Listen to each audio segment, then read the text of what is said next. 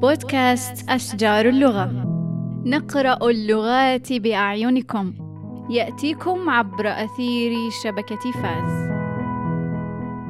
في ضجيج الحياة وحاجاتها تجول بنا منعطفات قسرية إلى سبيل العيش الآمن المستقر. فتنزع بعضنا عن أوطانهم وتدفعهم إلى سعي مستمر نحو بر الأمن.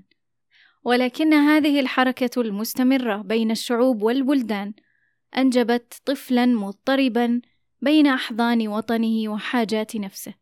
أثناء تلك الممارسات أسفر لدينا عدد من المترجمين الذين كانوا عونا للتبادل العلمي العالمي، وفي ظلها جاءت عبقرية اللغة التي يحكيها لنا المؤلف ويندي ليسر للمترجم حمد الشمري، يضم فيها حكاية اللغة الأم برواية خمسة عشر كاتبًا، اقتطفت بعضها لأرويها لكم. يذكر المؤلف بأن فكرة هذا الكتاب تدور حول عدد من الكتاب الذين يكتبون باللغة الإنجليزية وهم ليسوا من أبنائها في الأصل، وقد طلب منهم كتابة مقالات عن الفرق بين اللغتين، ويحكي قائلا: حين دعوت كتابنا الخمسة عشر للمشاركة في مشروع هذا الكتاب، شجعتهم أن يكتبوا وكأن مشاركتهم سيرة ذاتية لهم، فحكاية اللغة الأم. ليست مسألة لسانية أو أدبية فحسب، بل هي مسألة تمس حياة الناس وشعورهم اتجاهها، ولأن هذه الحياة تضمنت انتقالا قسريا في غالب الأحيان من بلاد لأخرى، ومن عائلة إلى أخرى، أو من ثقافة إلى أخرى، فإن قصتها ستحكي لنا عما هو أكبر وأوسع أفقا من القضايا التاريخية والسياسية التي تزامنت معها. دعني أروي لك تلك الحكايات. تقص لنا بهارتي حكايتها بعنوان طريق العودة، فتقول: أن يولد الإنسان بنغاليا في غير بلاده يعني بالضرورة أن يرث الفقد والشوق لأرضه الحقيقية، وبالرغم من حجم تأثير اللغة الأم في هوية الإنسان، إلا أن للوطن تأثيرا عظيما كذلك. الوطن.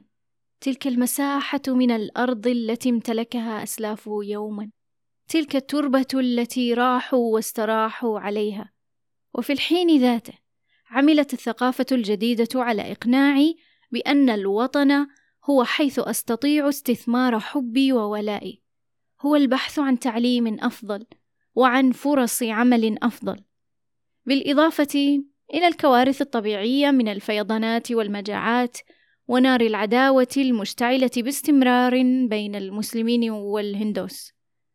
كلها حثت عائلتي على الهجرة إلى كالكوتا خلال العشرينيات والثلاثينيات من القرن الماضي.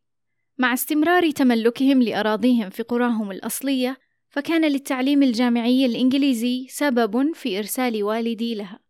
لقد نلت امتياز عضوية متحدثي البنغالية من خلال تهويدات النوم والأمثال الشعبية والصراعات الأسرية، وككاتبة كنت دائما ما أقوم بربط خيوط الحكايات ببعضها، فقد كنت أحيانا أحيل قصص العائلة إلى قصص جريمة وغموض، وأحيانا أخرى أغمس نفسي في العنف، أو أمزج بين التاريخ القديم والواقع المعاصر. كان من عادتي أن أنبش الموروث العالمي باحثة عن الفكرة والمفردات، ثم أعيد تشكيلها حتى تستقر في انتمائها لي. أظنها عادة أكتسبها لا إراديا منذ الطفولة. خلال الأسابيع الأولى لانضمامي للمدرسة الإنجليزية، أدركت أن الأبجدية البنغالية أكبر بكثير من الإنجليزية، فالحروف في الإنجليزية مرتبة بطريقة مربكة، ليس ثمة منطق في ترتيبها، مما يؤكد أن ترتيب الحروف الإنجليزية أبجديًا هو أمر اعتباطي، بينما تضع البنغالية حروف الأصوات المتحركة وحدها بمنأى عن حروف الأصوات الساكنة. وعن الحديث عن الحروف الساكنة فإن قائمة البنغالية لا تقدر عليها فتيات المدارس الإنجليزيات، ولا حتى المعلمات، ولا هن بقريب منها، إذ أن الصوت في الحرف الأول من اسمي بوهراتي كان معجزا للإنجليز. وفي المقابل فإن للإنجليزية أبجدية اقتصادية جدا. كونها متسامحة مع الألسن الكسولة في دقة أصواتها، كما أن ليس لها مفردات تمد ظلالها لذوي القربى في العائلة الممتدة. كنت أغبط الإنجليز على قدرتهم في تدوين الوقت لغويا، فبينما يستخدمون الأمس واليوم والغد ليعبروا عن الماضي والحاضر والمستقبل، فإن البنغالية تستخدم كال التي تعني الزمن في كل حالاته.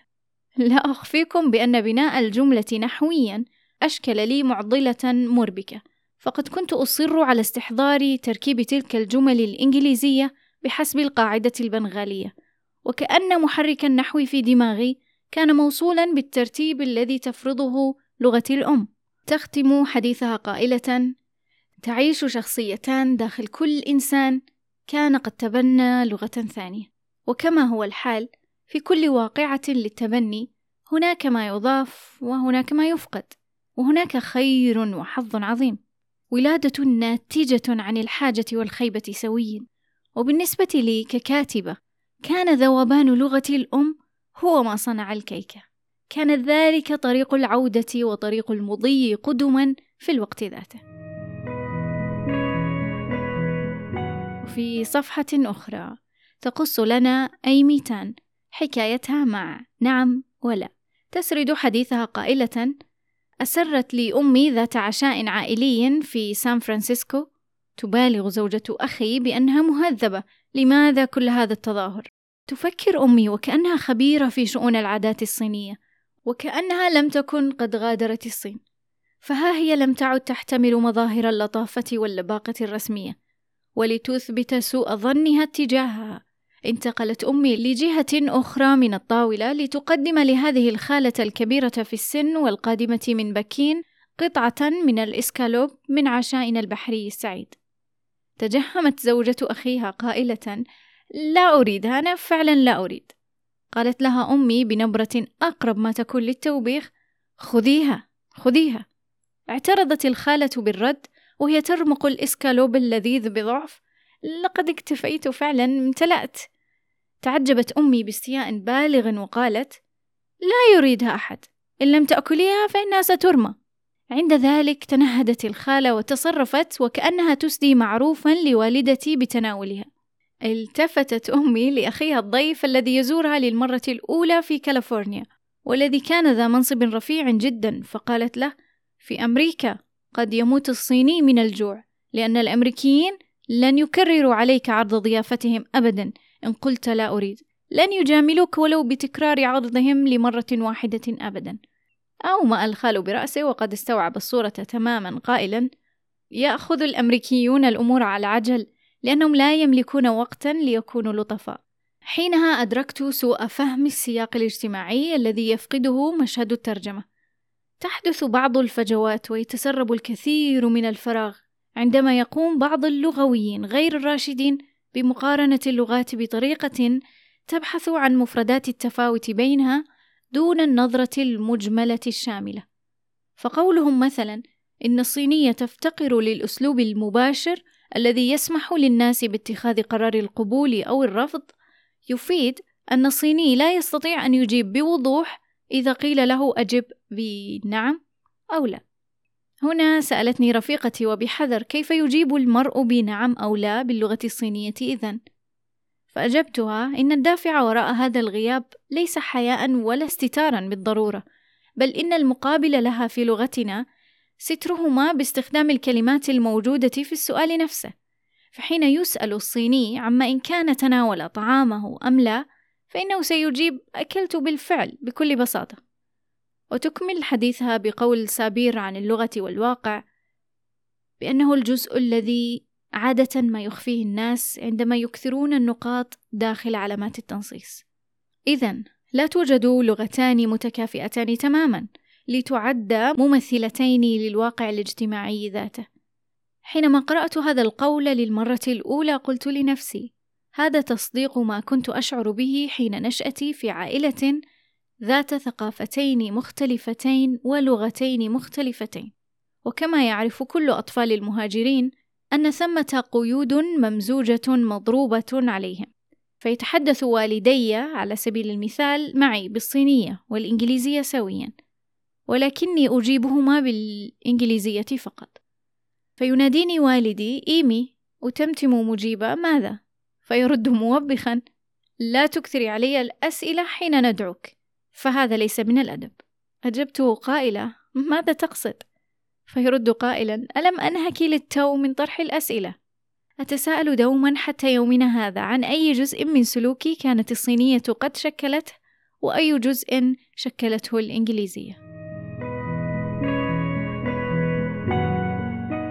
وفي الصفحة الأخيرة تروي لنا المترجمة الكورية هايون جانغ حكايتها مع المفرد والجمع. تستهل قائلة ليس من السهل على متحدث اللغة الكورية أن يستخدم ضمير المتكلم المفرد. وعلى سبيل ذلك فإن الجملة البسيطة أنا أريد تفاحة إن ترجمت إلى الكورية كلمة كلمة ستبدو شديدة الغرابة. سيترجمها الكوري إلى شيء مثل إنه لمن الجيد الحصول على تفاحة. تجنب استخدام الضمير أنا ليس خللا لغويا على الإطلاق. وفي المقابل ستبدو الجملة ألطف نوعا ما بدونه. أما حين يحتاج الكوري إلى الحديث عن الملكية القواعدية فإنه سيستخدم ضمير الجمع لا ضمير المفرد. فيقول مثلا بلادي وأهلي. كلها تعبيرات لم يعتد الكوريون عليها وإن كان المتكلم واحدا. تزداد أهمية هذه الممارسة حين يكون الحديث في سياق الأسرة حتى وإن كان المتكلم هو الولد الوحيد للأسرة فإنه سيقول أبونا وأمنا. أنا أم عزباء لكني حين أتحدث الكورية أقول ابننا وفي الإنجليزية أكون عرضة لأن أقول لصديقة قد التقيتها في محل القهوة شيئا مثل نحتاج إلى أن نذهب لنحضر الدواء لابننا. ثم أدرك مباشرة من نظرة الاستغراب على وجهها أن ما قلته قد يخلق إشكالا عويصا على الأذن الأمريكية يتعاطف البعض قائلا يا للمسكينة لم تتجاوز أزمة طلاقها بعد. هكذا يظن مستمعي حين أستخدم ضمير الجمع. تقص لنا رحلتها في اللغة فتقول وصلت عائلتنا إلى بانكوك في تايلاند تلك المدينة التي أمضيت بها عندئذ أعوام حياتي التسعة والنصف. أقمنا في مجمع سكني مغلق مخصص للعاملين الأجانب. كان أبي ملحقا تجاريا في سفارة كوريا الجنوبية في بانكوك. بدأت دروس الإنجليزية بكتاب مصور يعرض الكلمات مقسمة بترتيبها الهجائي. كنت في التاسعة من عمري. واستوعبت دون جهد يذكر كل معاني الكلمات وقواعد تركيب الجملة. بيد أن الصعوبة كانت في نطق تلك الأصوات الغريبة لقد تطلب الأمر جهدا وحضورا ذهنيا كبيرا فكانت تبدو بالمقارنة مع الإنجليزية رتيبة جدا. فكل مقطع صوتي له الطول ذاته والنبرة ذاتها كما لم تكن بعض الأصوات موجودة أساسا في الكورية F, R, V, Z وغيرها. فاحتجت إلى أن أشد على معدتي وألوي حلقي وأزم شفتي محاولة أن أحرك لساني دون توقف. كانت عملية سرية ذاتية فالأمر كله كان يتم داخل فمي وبكتمان تام. ثم بدأت أحاول الجهر بالكلمات وربطها بالحرف في مطلعها مثل يو لكلمة أمبريلا ولكني كنت مشغولة بتذكير نفسي بالفرق بين صوت الحرفين L R ثم أتوه وأفقد السيطرة حين أحاول تذكر موقع النبر على الحروف كنت أخاطب نفسي قائلة كيف ستكررين نطق هذه الكلمة؟